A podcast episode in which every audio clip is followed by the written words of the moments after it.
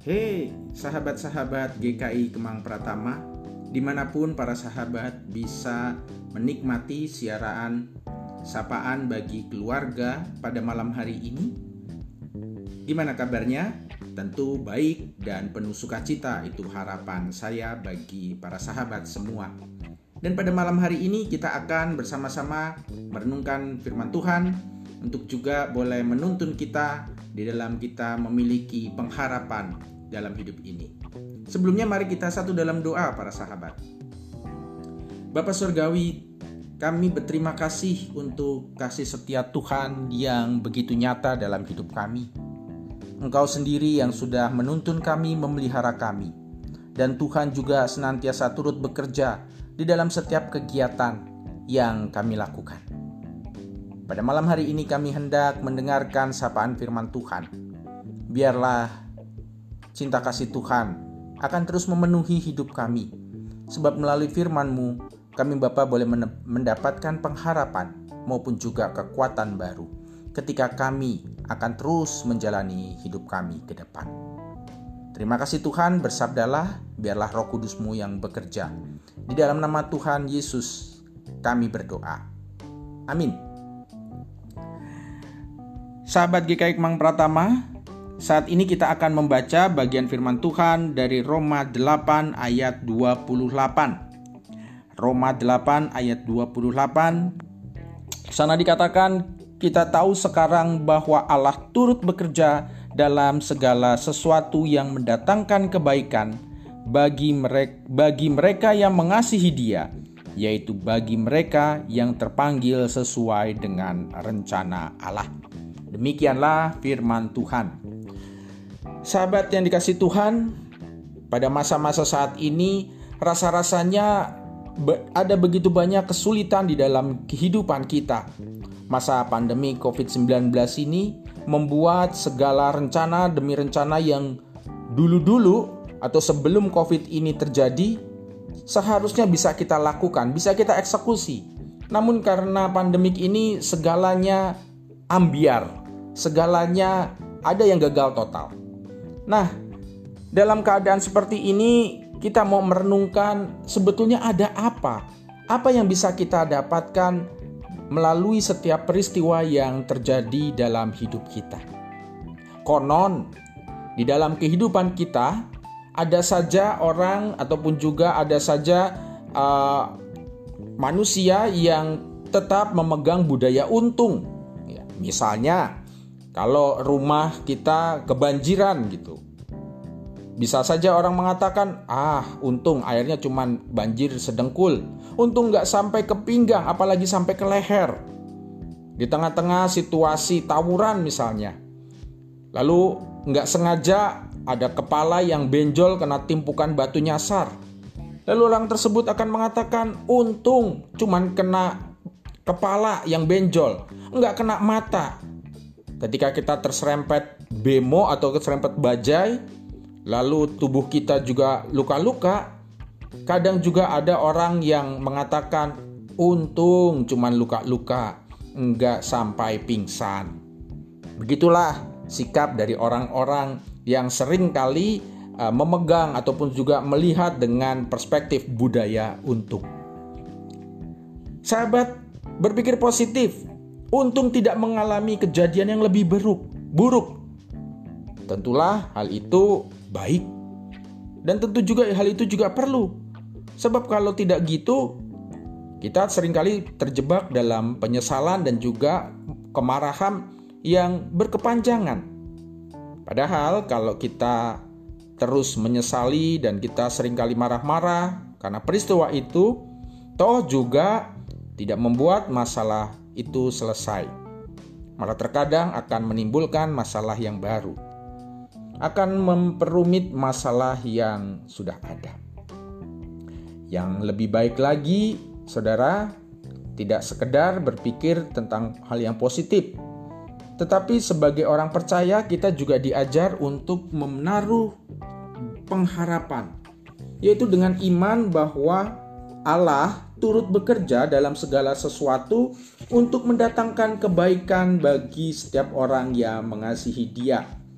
Itu tadi yang kita katakan dari Roma 8 ayat 28. Bicara tentang segala sesuatu berarti tidak hanya dalam keadaan yang duka, suka, tetapi juga dalam keadaan yang tidak menyenangkan.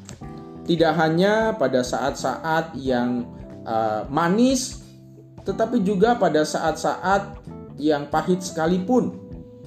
Segala situasi itulah segala keadaan.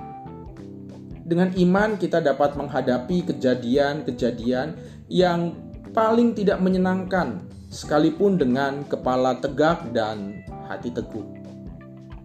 Kita punya dapat tersenyum, kita bisa mengatakan puji Tuhan, sebab dengan iman kita meyakini bahwa Allah akan menjadikan semua itu kebaikan, kebaikan dalam hidup kita.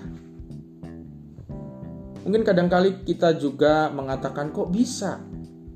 Kok bisa itu semua kejahatan ataupun juga keburukan itu bisa mendatangkan kebaikan? Kalau dipikir sekilas memang mana mungkin sih duka cita, kepahitan dan kegagalan bisa berubah menjadi kebaikan. Tetapi begitulah. Ketika kita bicara tentang kuasa Tuhan melampaui segala perhitungan dari akal manusia. Sebab Allah tidak terikat, bukan? Allah tidak bisa dibatasi dengan logika kita. Sebagai contoh, suatu daerah ada sebuah bangunan gereja yang sedang direnovasi.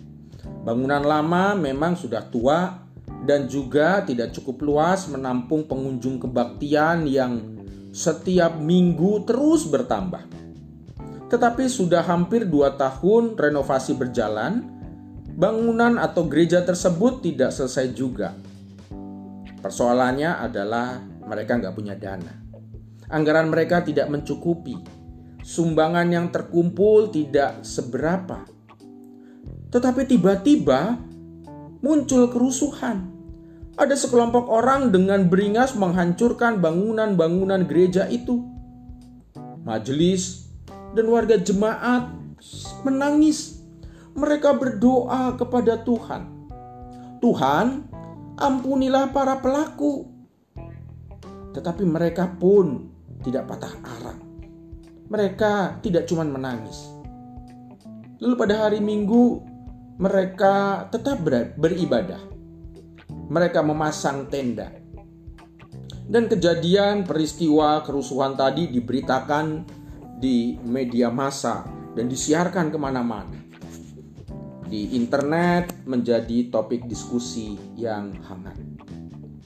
Tidak dinyana, ternyata sumbangan-sumbangan datang mengalir dari mana-mana. Dan cuman dari beberapa bulan saja dana yang dibutuhkan untuk gereja tersebut sudah melampaui budget. Sekarang bangunan gereja itu selesai direnovasi. Dan ternyata bangunannya lebih baik dari yang direncanakan. Pengalaman yang lain juga diceritakan tentang seorang pria yang usia kira-kira 40-an tahun tengah berada di puncak karir. Dia menjadi manajer top di salah satu perusahaan besar. Keluarganya sangat harmonis Istrinya punya usaha sendiri berjualan top, berjualan kue. Ia juga cukup berhasil. Kedua anaknya pun sehat, sangat baik.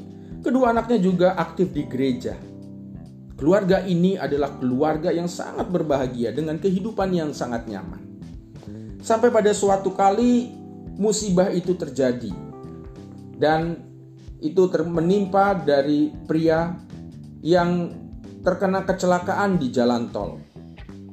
Mobil yang dikendarai oleh pria tersebut tertabrak dengan truk, lalu si pria tersebut lehernya patah. Tubuhnya dari leher ke bawah lumpuh total. Puji Tuhan dia masih hidup. Pada minggu-minggu pertama, di atas kursi roda ia stres berat Pria ini marah, pria ini menyesal, pria ini putus asa. Itu semua bercampur di dalam batinnya, di dalam dirinya. Namun lama-kelamaan, berkat dukungan keluarga, berkat dorongan dari teman-temannya, para sahabatnya, sang pria tadi mulai bangkit. Ia mulai menerima kenyataan yang dialaminya, dan dia bisa berdamai dengan kelumpuhannya. Kemudian, di dalam perjalanannya waktu, ia juga sering kali diundang untuk memberikan kesaksian. Dan di dalam setiap kesaksiannya dia mengatakan, "Saya tidak lagi menyesal. Saya tidak menyesal akan musibah itu. Buat apa? Toh memang sudah menjadi bagian dari hidup saya." Justru karena musibah itu, sekarang saya jadi lebih dekat dengan keluarga saya. Saya bisa hadir kapan pun mereka membutuhkan saya.